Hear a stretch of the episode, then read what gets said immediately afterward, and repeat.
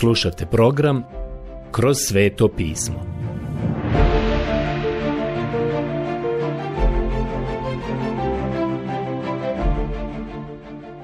Knjiga Postanak. Odlomak Postanak poglavlje 17 od 8. stiha do poglavlja 18 8. stiha. Prijatelji, danas se vraćamo na 17. poglavlje knjige Postanka. Ako imate svoju Bibliju, hoćete li otvoriti zajedno sa mnom osmi stih. Sjetite se da smo prošli put rekli da je 17. poglavlje knjige postanka ključno poglavlje knjige. Neki misle čak i u čitavoj Bibliji. U svakom slučaju to je izvanredno poglavlje. Ono što je ovdje važno jeste savez. 13 puta se pojavljuje riječ savez. Bog ovdje sklapa svoj savez s Abrahamom. Postoje dvije stvari koje su u savezu. Bog mu je obećao sjeme. Tako bi on bio otac mnogih naroda, a drugo, dao bi mu zemlju. Sada pogledajmo taj zadnji dio stih 8. Sklapam savez vječan između sebe i tebe i tvojega potomstva. Od koljena do koljena bit ću Bog tebi i tvojim potomcima. Postoji nešto što je veoma važno u ovom savezu. Bog mu je rekao šta će učiniti. Bog kaže, ja ću, učinit ću te izuzetno plodnim.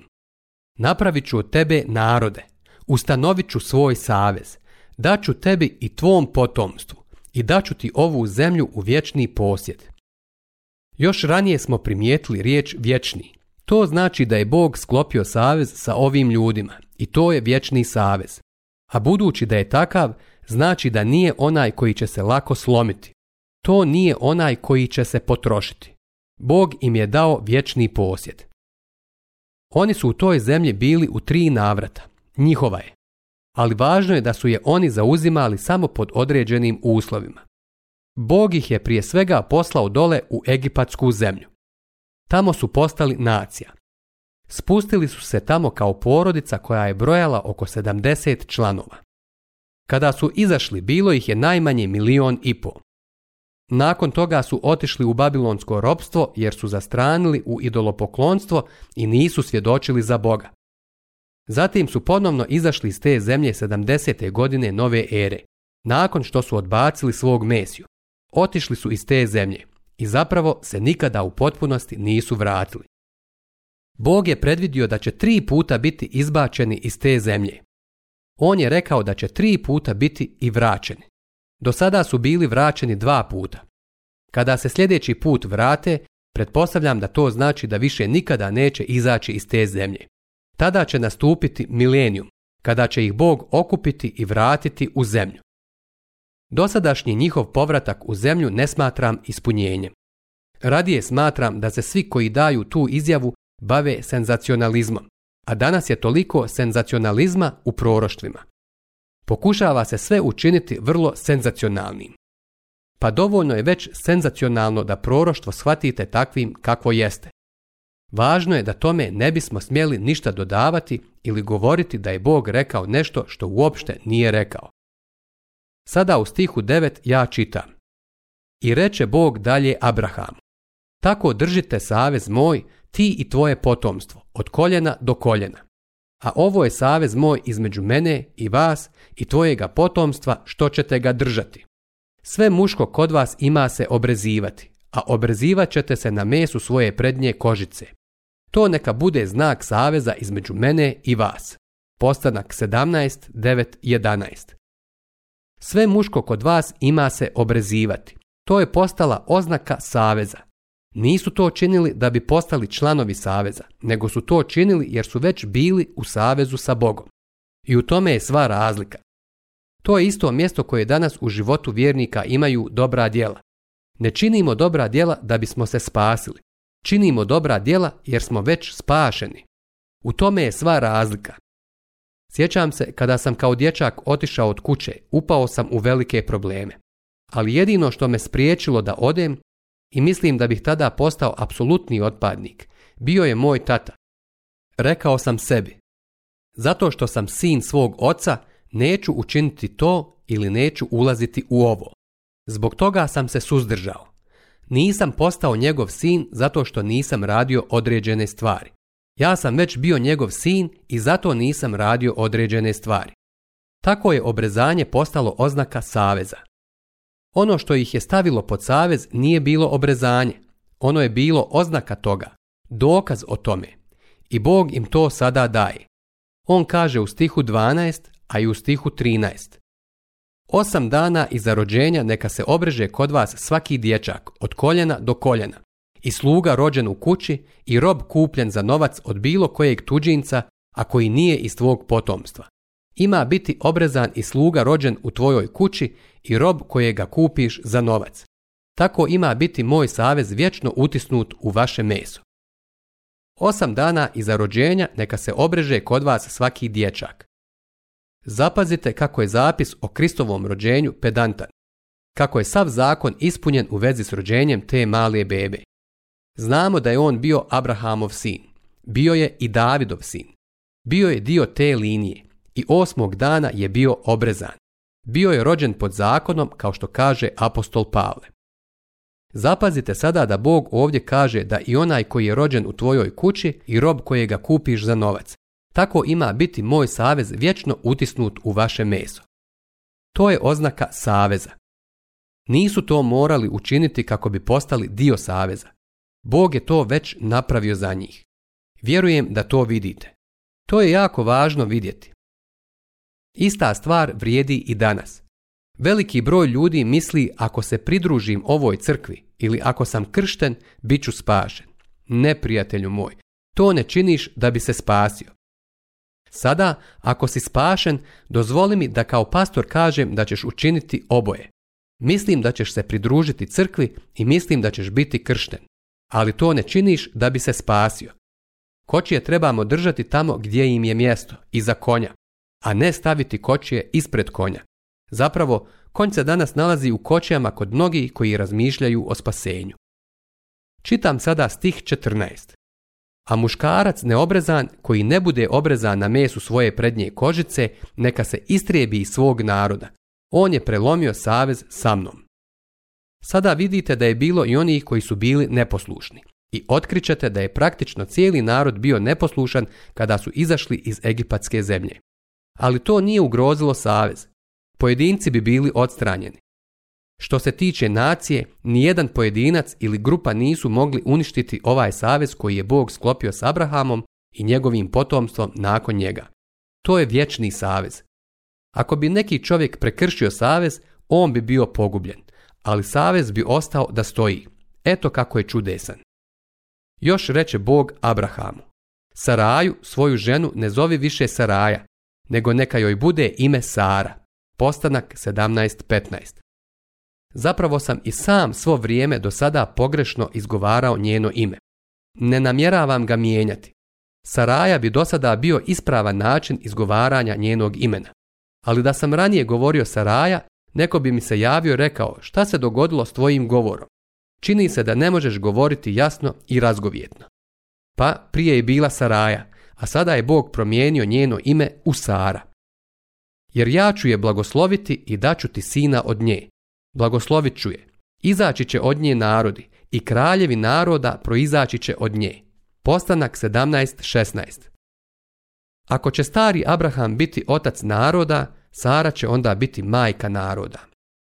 Tada Abraham pade ničice na lice i nasmija se, jer pomisli u sebi. Zar da se jednome stogodišnjaku rodi sin, ili da rodi Sara koja ima 90 godina. Postanak 17.17. 17. Stari Abraham samo se nasmijao. To više nije smijeh nevjere. Mislim da je to bio smijeh čiste radosti što se tako nešto moglo dogoditi. Znate, s vremena na vrijeme u našim životima Bog učini za nas nešto što je tako divno. Siguran sam da ste i vi imali takvo iskustvo, da vam jednostavno dođe do toga da se smijete. Ne znate ništa drugo učiniti nego se samo smijati. Pa ovaj čovjek Abraham nije ni sanjao da bi se takva stvar mogla dogoditi. Stavite se u njegovu poziciju i shvatit ćete da je takvo nešto bilo nečuveno. I Sarina utroba je bila u mrtvilu, a i on je bio mrtav. Jeste li ikada primijetili kako je Pavle to opisao? Mislim da bih odmah trebao otvoriti poslanicu Rimljanima, četvrto poglavlje i podijeliti ovo sa vama ću poglavlje 4 od 17. do 22. stiha. On je svima nama otac po riječi pisma. Postavio sam te ocem mnogim narodima. Abraham je povjerovao u Boga koji oživljuje mrtve i zove ono što ne postoji na postojanje. On je protiv nade vjerovao u nadu da će biti otac mnogim narodima, kao što mu je rečeno. Takvo će biti tvoje potomstvo. On nije oslabio u vjeri, Makar je razabirao da mu je tijelo već obamrlo, bilo mu je blizu sto godina i da je bilo obamrlo i sarino krilo. U Božje obećanje ne posumnja nevjerovanje, nego ojača u vjeri i dade slavu Bogu i bio je tvrdo osvjedočen da Bog može i učiniti što je obećao. Zato mu se i uračuna u pravdu. Vidimo da je Abraham vjerovao Bogu i zbog toga je bio potpuno preplavljen čudom Božijim i dobrotom Božijom. Ali onda mu je odjednom došla misao koja je bila kao strijela koja je pogodila u njegovo srce. Znate li šta je bilo? Razmišljao je o malom dječaku koji je bio njegov sin, po imenu Išmael.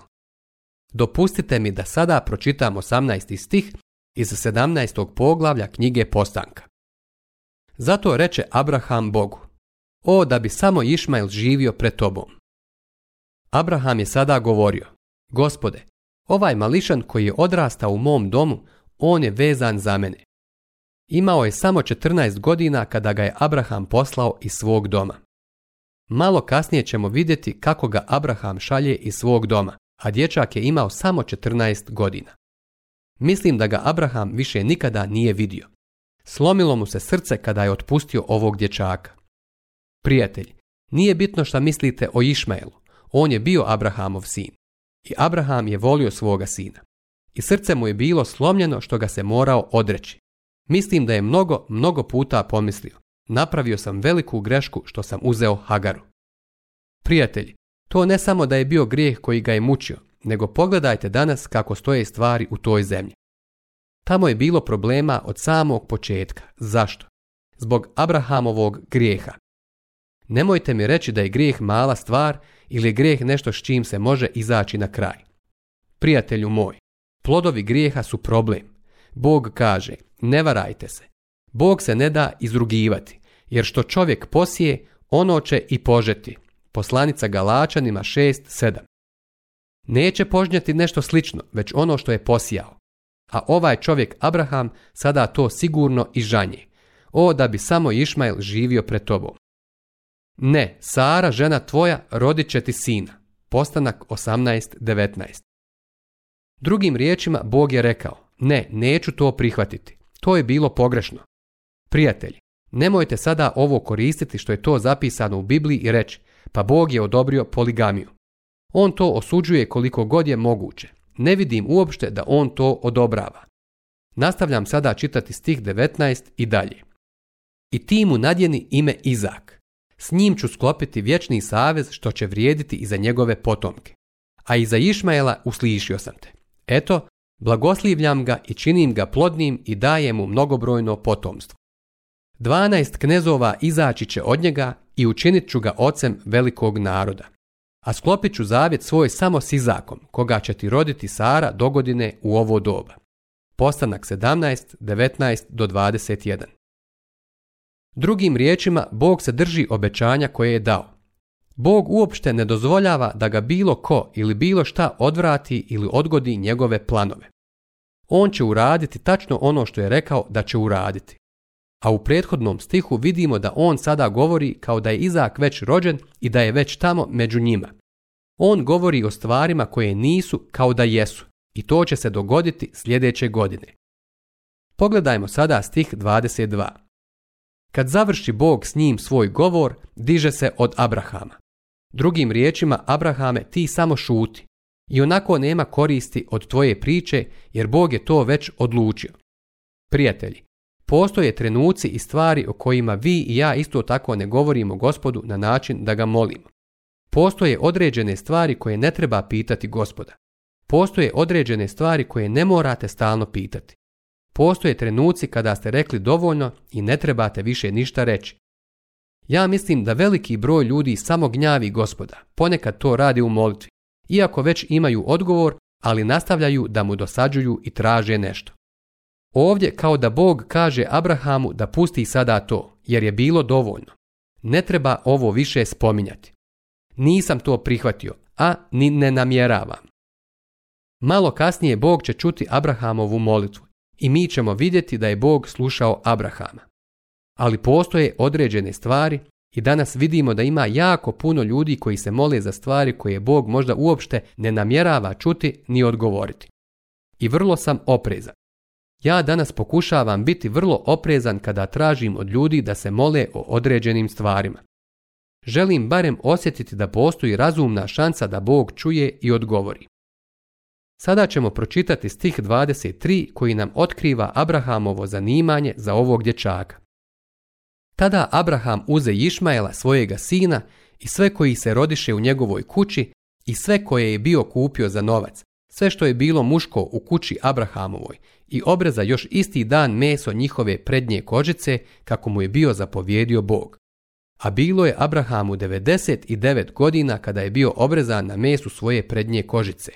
A Išmajlu, njegovu sinu, bilo je 13 godina kada je bio obrezan na mesu svoje prednje kožice. U isti dan bili su obrezani Abraham i njegov sin Išmael. I svi muškarci njegove kuće, rođeni u kući ili od tuđinaca za novac kupljeni, bili su s njim obrezani. Postanak 17.23.27. Ovo je bio znak saveza koji je Bog sklopio s Abrahamom. Sada će neko reći, zašto je Išmael uključen u to? Zar nije Bog obećao da će i od njega također nastati velika nacija? Mogu reći da je u tom smislu i Išmael uključen u to, ali on neće biti onaj koga je Bog na početku obećao Abrahamu. On neće biti otac nacije koju će Bog upotrijebiti, niti nacije kroz koju će doći Mesija. To je veoma važno vidjeti u ovom trenutku. Zapravo sve je važno. 18. poglavlje blagoslovljeni naspram prokletog života. Sada dolazimo do 18. poglavlja, a zapravo su 18. i 19. poglavlje dva poglavlja za koje se pitate zašto su uopšte uključena u Bibliju, sve dok ne dođete do Novog Zavjeta. Mislim da ćemo kasnije vidjeti zašto. Sljedeće 19. poglavlje govori o uništenju Sodome i Gomore. Zapazite da su to prilično duga poglavlja. 18. ima 33 stiha i sada ću dotaći neke važne momente u ovom poglavlju, a vjerovatno i u sljedećem. Ovo je veoma važno da vidimo. U 18. poglavlju vidimo ono što bi se moglo nazvati blagoslovljenim životom, a u 19. poglavlju, dole u Sodomi i Gomori, vidimo Lotov prokleti život, a sve to zbog njegove odluke koju je donio. Sada čitam prvi stih 18. poglavlja. Ovdje Bog govori Abrahamu o presudi nad Sodomom i Gomorom i o Abrahamovom zastupanju u ime tih ravničarskih gradova.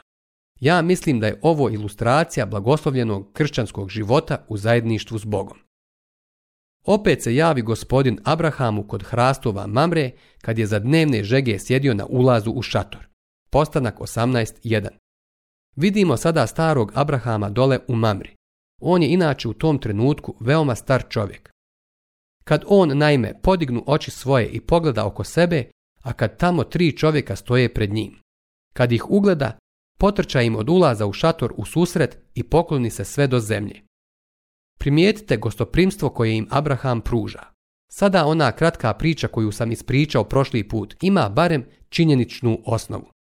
Mislim da se to nikada nije dogodilo, ali poenta je da je ovaj čovjek bio vrlo ljubazan i gostoljubiv čovjek. I reče, Gospodine, ako sam našao milost u tvojim očima, nemoj mi mojići svojega slugu. Dajte molim da vam se donese malo vode da operete svoje noge. Onda se odmorite pod drvetom. Postanak 183 do 4. Vidite šta on sada radi. Naravno, čini se vrlo čudnim reći strancu koji je došao da vas vidi da ćete mu donijeti vode da opere noge i da uđe kod vas. Danas to ne bismo baš tako rekli ali to je bio stari, vjerovatno najstariji poznati običaj. Sjetite se da je u gornjoj sobi i naš gospod oprao noge svojim učenicima. To ima ogromnu duhovnu poruku. Evo vidimo da i Abraham nudi pomoć da operu svoje noge. To je znak pravog gostoprimstva kada neko uđe u vaš dom i izuje cipele i kada mu operete noge. Abraham ih je doista kraljevski dočekao. On kaže, a ja ću vam iznijeti nešto da pojedete, da se okrijepite. Tada možete poći dalje. Pa zato ste i prošli pokraj svojega sluge. I oni rekoše, učini kako si kazao.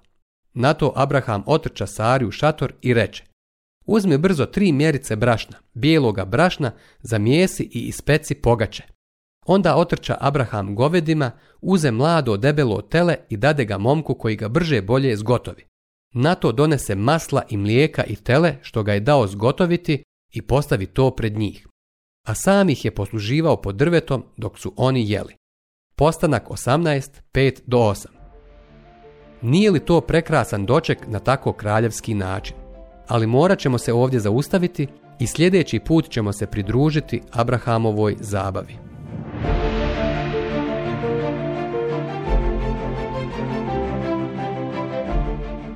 Slušali ste emisiju Kroz sveto pismo. Možete nas slušati i na našem YouTube kanalu, putem mobilne aplikacije, te na svim glavnim podcast platformama kao što su Google, Apple i Spotify. Ako vam se naši programi dopadaju, preporučite ih i podijelite s drugima. Budite slobodni da ostavite svoj komentar ili nam pišite na našu e-mail adresu kroz sveto at gmail.com Zapratite našu stranicu kroz sveto pismo BiH na Facebooku i na Instagramu. Emisije iz ove serije možete pronaći na našoj stranici ttb.tw.org.